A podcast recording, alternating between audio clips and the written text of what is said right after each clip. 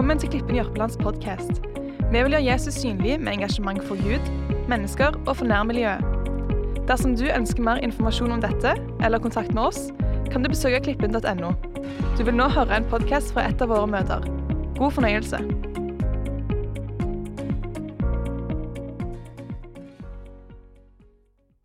I Bibelen så er det mange eh, ganger at eh, Gud gjør noen forandringer. Eh, og jeg skal se litt, vi skal se litt nærmere på når Gud forandrer. Og Det skal se, vi skal se på i dag, er når, når Gud eh, bestemmer seg for å bringe israelsfolket ut fra Egypt. Eh, og når han skal ta tak eh, i den situasjonen. På denne tida så har da um, israelsfolket vært slaver i 450 år, som er ganske lenge. Er dere enige at det er ganske lenge? Ja. 450 år. Det betyr at eh, mange mennesker har vokst opp, de har levd, de har blitt født, de har levd, og de har dødd som slaver. De har aldri sett løftene Eh, blitt oppfylt. Men så bestemmer Gud seg for å gjøre noe. I 2. Mosebok vers 3 Nei, 2. Eh, Mosebok kapittel 3 Nei, kapittel 2, vers 23. Sånn var det. 2. Mosebok kapittel 2, vers 23. så står det at eh, da lang tid var gått, døde kongen i Egypt. Israels barn sukket over sin trelldom og klaget, og deres rop over trelldommen steg opp til Gud. Og i vers 24.: Gud hørte deres sukk, og Gud kom i hu sin pakt med Abraham, Isak og Jakob. Og vers 25.: Og Gud så til Israels barn og Gud kjentes ved dem. Når vi har lidelser, når vi eh, er i en situasjon som vi ikke ønsker, som eh, er undertrykkende, som er full av press, så stiger ofte vår klage opp til Gud. I hvert fall håper jeg at vi gjør det. Det er i hvert fall sånn jeg har gjort. Når jeg har hatt situasjoner i livet som jeg ikke er fornøyd med, så har jeg skreket mye til Gud. Jeg har sprunget opp på haugene og ropt ut frustrasjonen. Gault og gapt og skreket og grene. Det som er det flotte når vi leser dette her, er at når, du, når, når sukka til Israels barn og klagene og ropet over trelldommen stiger opp til Gud, så hører Gud deres sukk. Og han kommer i hu sin pakt med Abraham, Isak og Jakob. Og Gud ser til Israels barn, og Gud kjennes ved dem.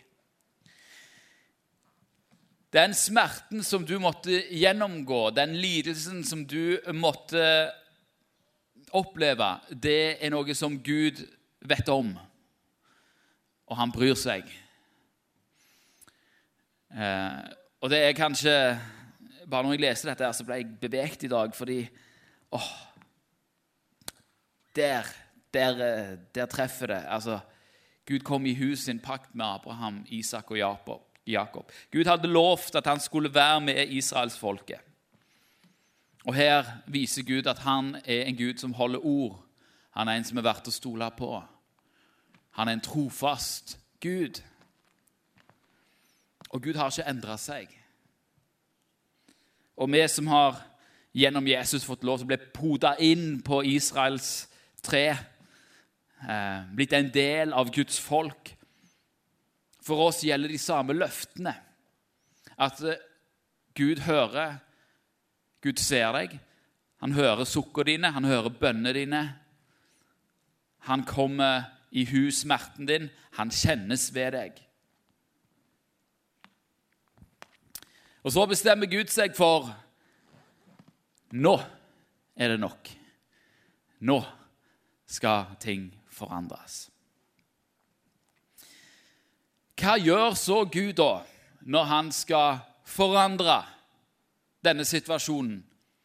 Når han skal ta israelsfolket fra Egypt og ut? Når han skal endre situasjonen, hva gjør Gud da? Det som er godt og viktig å merke seg, det er at uh, Gud er initiativtaker til forandringen.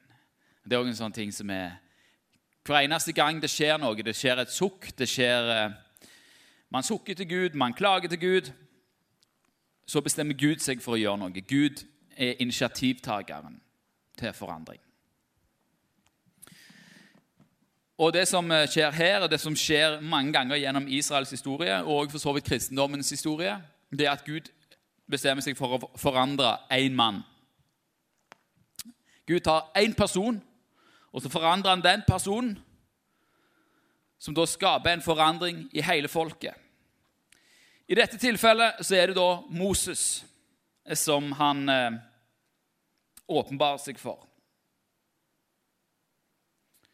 Eh, og Vi kan lese fra kapittel 3 eh, og vers 6. Gud åpenbarer seg for Moses i en tornebusk som ikke brenner opp. Og Gud snakker ut fra tornebusken, og så sier han, 'Jeg er din fars Gud, Abrahams Gud, Isaks Gud og Jakobs Gud.' Da skjulte Moses sitt ansikt, for han fryktet for å se Gud. Og Herren sa, 'Jeg har så visst sett mitt folks nød i Egypt.' Jeg har hørt deres klagerop over slavefogdene, og jeg vet hva de lider. Nå er jeg steget ned for å befri dem fra egypternes hånd. Jeg skal føre dem opp fra, et, fra dette landet til et godt og vidstrakt land, et land som flyter med melk og honning. Det er det landet hvor kanoneerne bor, og hetittene og amorittene og ferisittene og hovittene og jebusittene. Israels barns skrik har nå nådd opp til meg. Jeg har også sett hvordan egypterne mishandler dem. Gå av sted, jeg sender deg til farao. Du skal føre mitt folk, Israels barn, ut av Egypt. Legg merke til hvordan Gud sier at nå har han steget ned for å føre Israels folk ut. Jeg skal føre mitt folk ut, sier Gud. Gud er både initiativtaker, og det er han som gjør det. Og Det er litt greit å bemerke seg når vi snakker om forandring som, som Gud skaper, så er Gud både initiativtaker, og det er han som gjennomfører det. Vi bare henger med. Henger med på ting. Så sier da Gud til Moses at han skal gå og føre folket ut av Egypt. Og Dette kan på mange måter, når du ser på det fra et rent menneskelig perspektiv, så virker dette utrolig merkelig ved første øyekast. Hvorfor Moses? La oss ta en titt på Moses.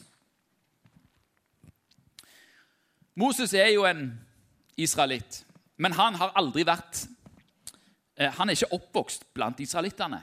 Han er oppvokst i Egypt.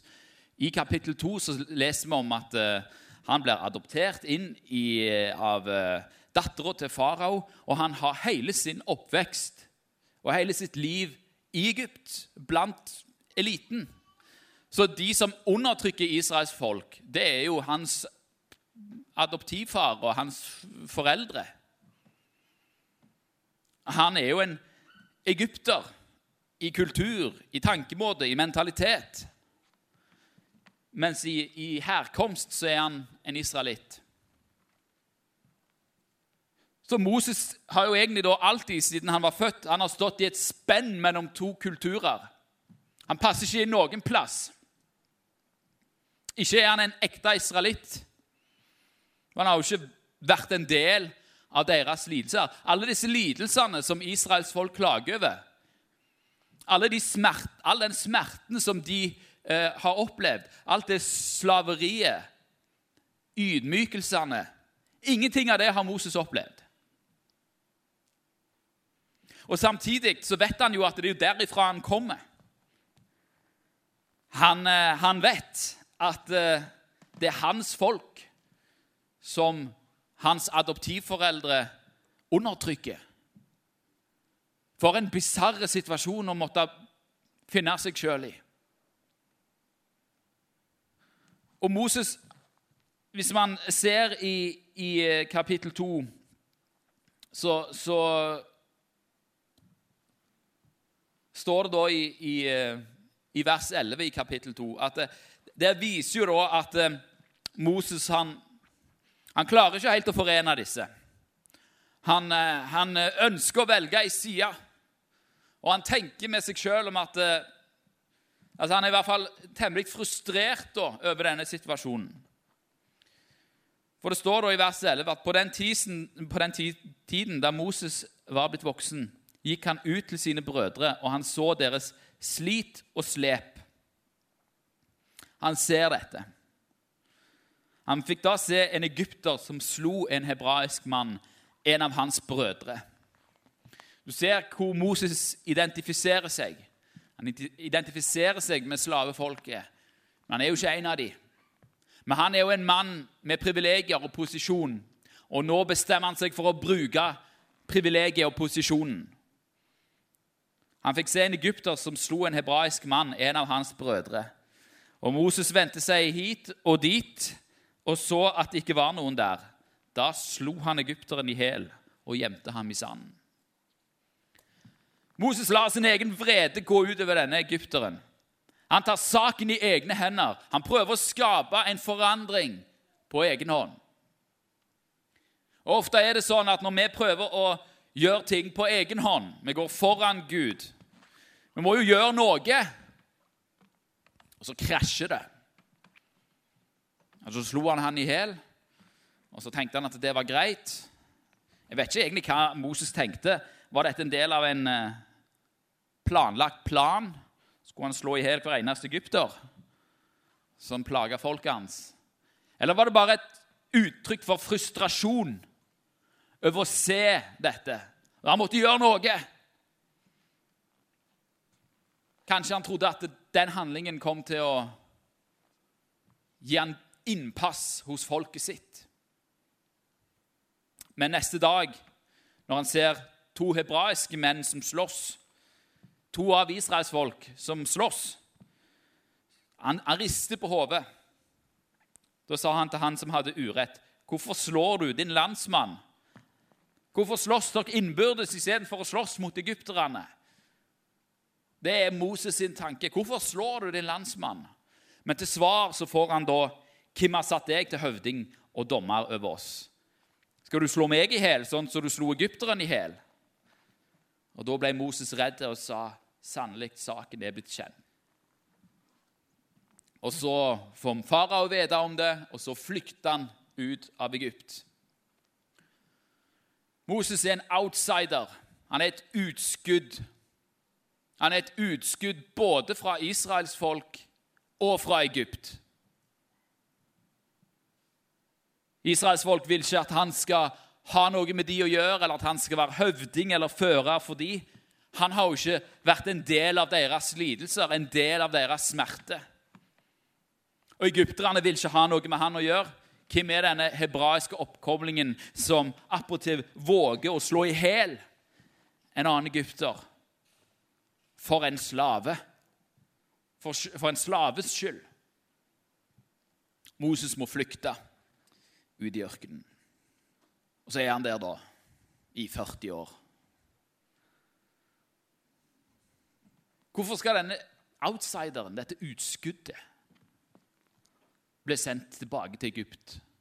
Han som er uglesett av begge sider, både av egyptere og av israelitter. Hvorfor er det han Gud velger? Hvorfor velger han denne mannen som på dette tidspunktet er 80 år gammel?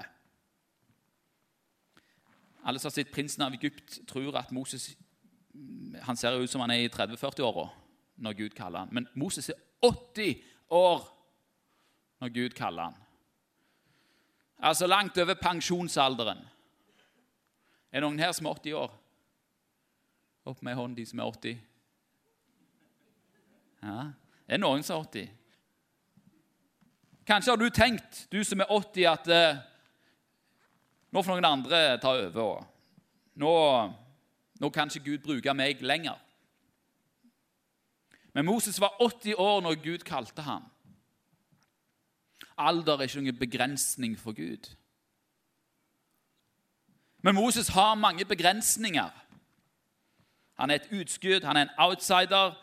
Han er gammel og grå, 80 år gammel. Attpåtil, og det sier han jo sjøl i uh, vers se, i uh, kapittel 4 Moses har masse innvendinger. Jo, han han syns dette er en fryktelig dårlig idé. Og han sier til han, han, Moses sa til Herren, dette er kapittel 4, vers 10. Hør meg, Herre. Jeg har aldri vært noen ordets mann, verken før eller nå etter at du begynte å tale til din tjener. Jeg er tung i mæle og tung i tale. Altså, når du skal føre et folk, så er det jo viktig å ha litt karisma, som man tenker. Det kan være greit å kunne ordlegge seg. Men han er tung i mæle og tung i tale. Vi vet ikke helt hva det betyr. Kanskje stamma Moses. Eller eh, han hadde et eller annet, en kroppslig ting som gjorde at han var fysisk og vanskelig å snakke for han. Kjempegod idé, Gud. Du tar en som ikke kan snakke. En olding av et utskudd som ikke kan snakke, for å føre folket ut av Egypt. Hvorfor Gud? Hvorfor Moses? Hvorfor denne mannen med alle disse begrensningene? Hvorfor en som har vært flyktning? En som sannsynligvis har ganske stort temperament? Hvorfor ta en kriminell, en morder? Det er jo det Moses er en flyktning, et utskudd, en olding som ikke kan snakke. Fra menneskelig standpunkt så er valget av Moses til å føre folk ut av Egypt Det er jo helt på trynet. Det kommer aldri til å gå. Har du tenkt det noen ganger at Gud kvisker noe som du skal gjøre? Og Så ser du bare begrensningene dine, og så tenker du ja, det kommer aldri til å gå. Jeg er ikke smart nok. Jeg er ikke flink nok. Jeg er ikke stor nok. Jeg er ikke slank nok. Jeg er ikke Jeg er for unge, jeg er for gammel. Jeg er på feil plass i livet. Jeg har gjort for mye dumt. Moses var en morder, husk det. Det er ganske dumt. Allikevel kunne Gud bruke han. Guds svar til Moses i vers 11 er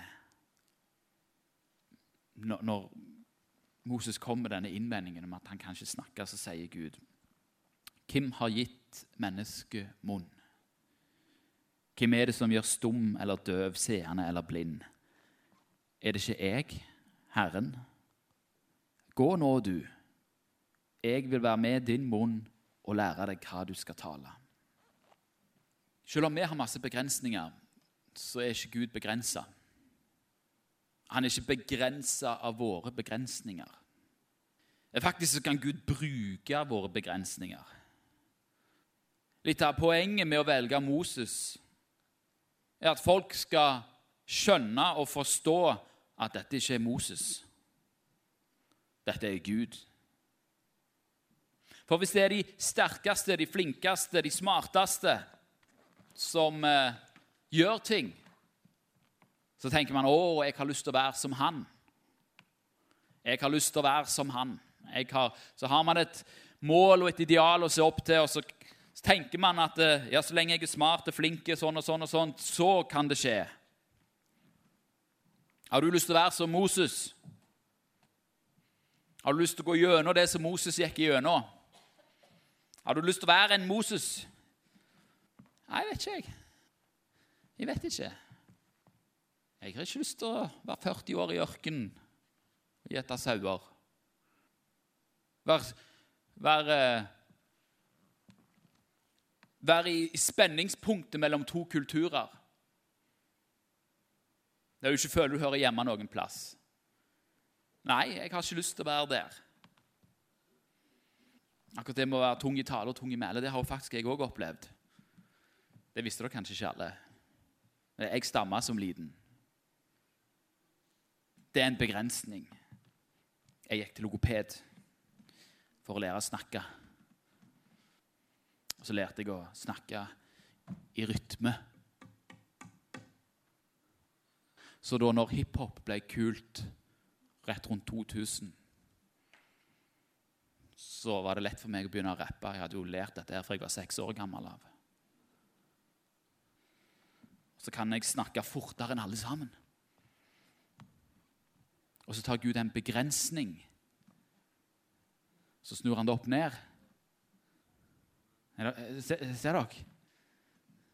Altså, jeg, jeg, var ikke født god å snakke. Tenk, folk tenker Thomas han kan jo snakke. Står og taler. Ja, Men jeg var ikke født sånn. De kalte meg for T-T-Thomas i gata. I etterkant så er jo valget av Moses Vi ser jo det, det er jo genialt. Det ser nesten ut som Gud har planlagt det sånn fra begynnelsen av. Hva er det som er Moses sitt oppdrag? Jo, han skal ta et folk og føre det ut av Egypt. Og det gjør han jo. Og så fører han det 40 år i ørkenen i Egypt, mens folket klager og sutrer og klager og sutrer. Hva er det som er problemet til folket når de går i ørkenen? Jo, det er at eh, selv om de ikke er slaver lenger, så tenker de fremdeles som slaver. De ønsker seg faktisk tilbake til slaveriet. Fordi det å leve eh, i det å stole på Gud mens du går gjennom ørkenen, det er for vanskelig. Det er for hardt. De klarer ikke, de forstår det ikke. Faktisk er det sånn at Alle som er voksne, er nødt til å dø i ørkenen. For de er ikke i stand til å kvitte seg med slavementaliteten. Men det er én i den gjengen som aldri har vært en slave. Og det er Moses. Så Gud tar det som var imot Moses, det som var begrensningen til Moses. Selve begrensningen. At han hadde jo ikke tatt del i alle lidelsene. Han hadde jo ikke tatt del i all smerten. Nei, men han hadde ikke vært en slave. Og når israelsfolket skulle ut av Egypt, så trengte de å bli ledet av en mann som aldri hadde vært en slave, som ikke tenkte som en slave, som hadde kasta av seg Sla, altså, Som ikke trengte egentlig å kaste av seg det slaveritankesettet. Moses hadde en annen mentalitet, og derfor så ble det forandring. Du vet, Det blir aldri forandring hvis man tenker på akkurat samme måte. Hvis vi ønsker forandring i våre liv, så er vi nødt til å snu om på måten vi tenker på. Hvis vi ønsker forandring i samfunnet vårt, ja, så er vi nødt til å snu om på måten vi tenker på og gjør ting på. Tenkte Moses på etter at han hadde kommet ut Han hadde flykta fra Egypt. Så, hadde han vært 40, så var han 40 år i ørkenen og gjette småfe. Tenkte han at eh, ja, dette her er jo Dette er det Gud har tenkt. Dette er jo absolutt en del av Guds plan. Ikke sikkert han tenkte sånn. Tenkte, kanskje han tenkte at eh, jeg hadde alt, og så mista jeg det pga. at jeg var en hissig hissigpropp som slo i hjel en egypter. Lurer på hvor mange ganger han angra på det. Men så er det sånn at sjøl vår synd og våre feil kan Gud bruke til slutt. Moses han hadde jo opplevd både å flykte ut i ørkenen og leve 40 år i ørkenen. Så reiser han tilbake til Egypt, fører israelsfolket ut. Han, altså han leder flukten ut av Egypt og leder de 40 år i ørkenen. Israelsfolket de klynka og de klaga i Egypt, i Egypt og i ørkenen, for de hadde jo ikke vært i ørkenen før. Moses hadde vært i ørkenen før. Han visste hva dette her handla om. Når Gud gjør en forandring, så bruker han det som ingenting er. Han bruker utskudd, han bruker folk som tenker annerledes. Og det som tilsynelatende er en svakhet, det snur Gud til en styrke. Det var ingen som Moses. Han er den største mannen i Det gamle testamentet. Han hadde masse begrensninger. Men de begrensningene var det, han, var det Gud brukte til å føre et folk ut av fangenskap gjennom en ørken og forberedte dem for et nytt liv i et nytt land. Det var jo genialt av Gud å velge Moses, var det ikke? Når du ser på det fra det perspektivet. Men ser du hvor forskjellig det ser ut før det skjer, i forhold til etter det skjer? Når Gud kaller Moses, så virker det helt idiotisk. Men etter 40 år i ørkenen så ser du ah, det var derfor. Jeg vet ikke hva situasjon du er i nå. Men det kan være at hvis Gud kaller på deg til å gjøre et eller annet, så kan du tenke det er jo helt idiotisk. Det er jo helt hull i hodet. Hvordan kan Gud gjøre det? Sant? For du, du, har jo masse begrensninger, akkurat som jeg òg har masse begrensninger. Men så vil Gud bruke det. Og kanskje vil du om mange år se tilbake og se ah, Det var jo genialt av Gud. Av og til så lurer jeg på om eh, Det er nesten litt skummelt å si sånt. At den smerten og de, de vonde tingene som jeg har opplevd i mitt liv, de, det som virker meningsløst og uten poeng Av og til så kan det virke som om Hvis jeg ser på det i ettertid, så kan det virke som om Gud gjorde det med vilje. Han lot jo i hvert fall skje. Ikke det at jeg tror at Gud vil meg vondt, men jeg tror det er sant, det som sier det som står at uh, alle ting samvirker til det gode for de som elsker Herren. Det er ikke at allting er gode, men det virker til det gode. For det er så mektige Gud er. At han kan ta Uansett hva din begrensning er, Uansett hvor, hvor, eh, eh, hvor, hvor eh, bakvendt eller forvrengt eller hvor mye smerte og lidelse du har gått gjennom, så, så kan Gud bruke det. Det er jo sånn med sånne statsledere sånn som man hyller og sånt, så, så, så, så, så er det jo typisk de som er helt de er ikke, de er ikke, van, altså de er ikke den vanlige altså De følger ikke helt normen, da. Men det er det som må til i en situasjon som krever en forandring. Du vet, når, når Gud skulle forandre Norge første gangen Eller andre gangen alltid hvordan du ser, Nei, andre gangen. Sånn, når, når, på en måte Gud virkelig tok tak i den norske folkesjela og, og gjorde dette landet altså det, gjorde dette landet eh, til, til både den misjonsnasjonen det har vært, eh, og, og, på en måte fruktene av det vi ser her i dag, som er på en måte hele bedehusbevegelsen og bibelbeltet og alt sånt. Grunnen til at vi har et bibelbelte i Norge, det er jo på grunn av én mann som het Hans Nilsen Hauge, som levde på slutten av 1700-tallet og begynnelsen av 1800-tallet. Han var jo en bondegutt fra Østfold. Han var ikke en utlært mann. Han ikke, hadde ikke presteutdannelsen. Men, eh, men Gud kalte han da. Og han reiste rundt og forkynte og starta businesser og gjorde en masse som forandra nasjonen. Og spesielt den delen av nasjonen som vi tilhører. Rogaland og Vestlandet. Han kom utenifra. Så gjorde han noen forandringer. Fordi det systemet som var der fra før av, var ikke i stand til å vekke forandring. Så Gud velger seg ut en mann utenfor systemet. Han kunne ikke ta en mann som hadde vært eh, opplært som prest. For det fantes jo mange prester, men det var ingen forandring. Så da sendte Gud Hans Nilsen Hauge, bondegutten fra Østfold. Da ble det forandring.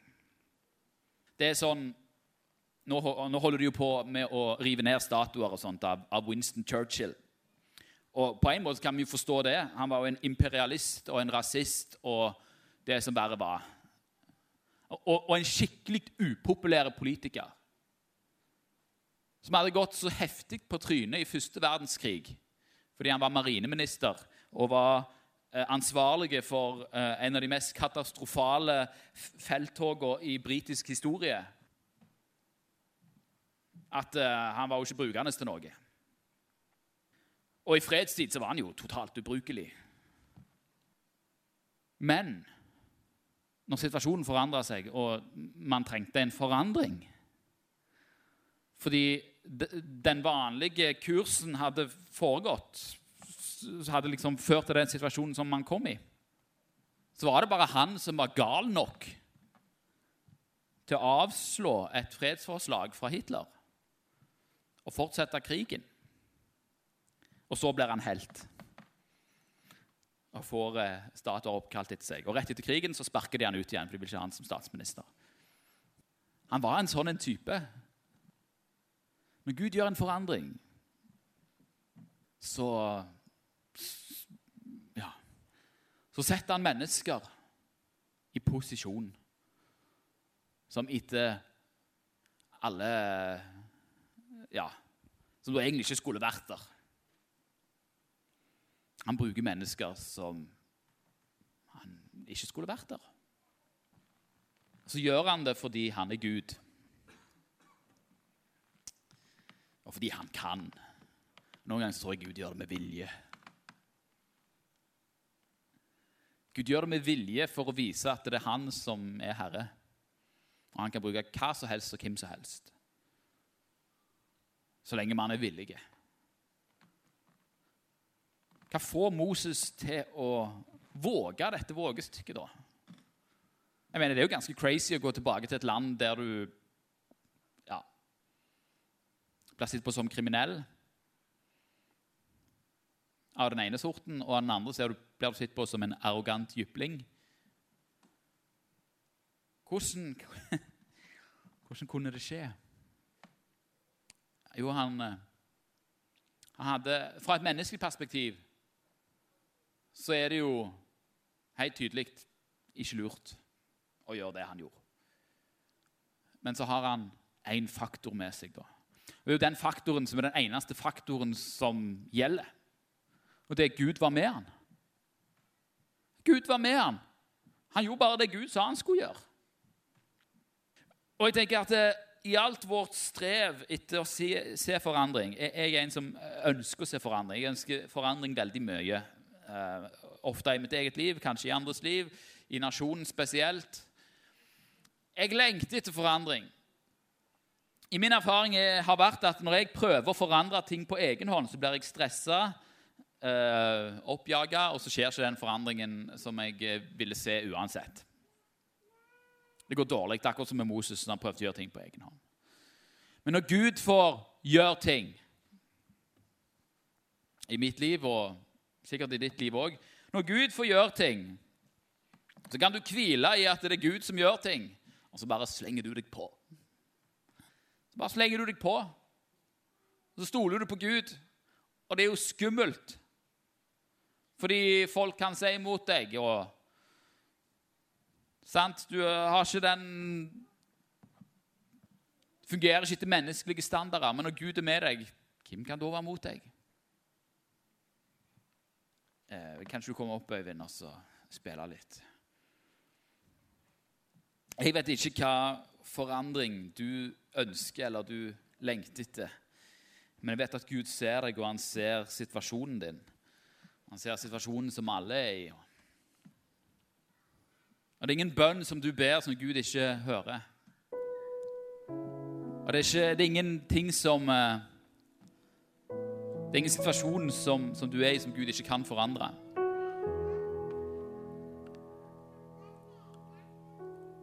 Og så er det hva ønsker Gud å gjøre, da? Jeg tenker vi kan spørre Gud om det. Vi kan spørre Gud. Du som tenker at eh, ja, nei, nå Nå har jeg blitt for gammel. Nå får noen andre gjøre ting, så kan jeg eh, slappe av og sånne ting. Nyte pensjonisttilværelsen. Er det det Gud vil du skal gjøre? Det kan godt være. Sier ikke det. Men hva vil Gud at du skal gjøre? Kanskje Gud vil noe nytt? Hvis jeg gjør noe nytt, sier Herren, skal det ikke spire fram om du er 60, 70 eller 80 år gammel. Kanskje du ikke passer inn.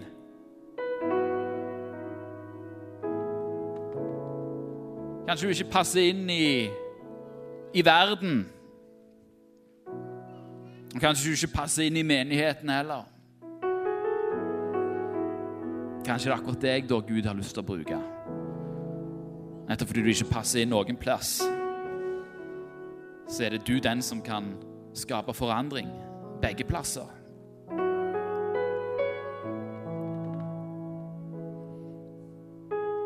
Spør Gud hva, Herre, hva vil du at jeg skal gjøre? Hva vil du med mitt liv?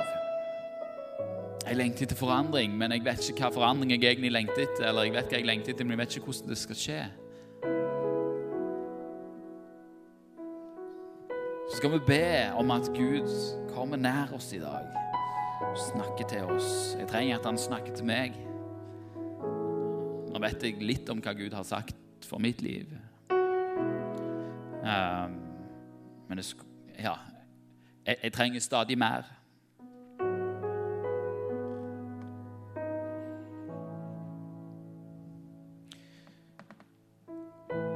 Kanskje du er nå mot slutten av den perioden der du tenker nå har jeg holdt på med dette her så lenge, dette her bare virker meningsløst.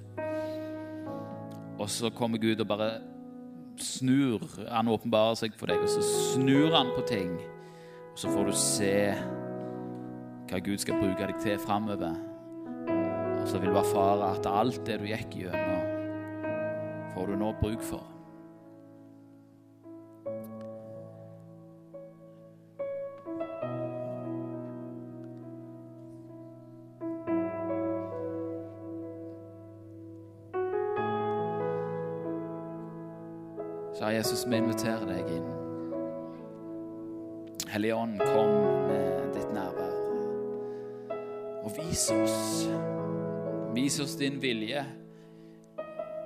At din vilje er god. Vi tror at evangeliet skal ut, og det skal nå til alle folkeslag, og det skal nå til dette folket igjen. Vi tror på kraften i evangeliet til å sette mennesker i frihet, til helbredelse. Til å få et rett syn på ting. Men vi trenger deg, Jesus. Vi trenger at du overbeviser oss. Vi trenger et møte med deg. Vi lengter etter deg, Jesus. Vi lengter etter din forandring nye perspektiver, nye retninger. Herre, tal og kall.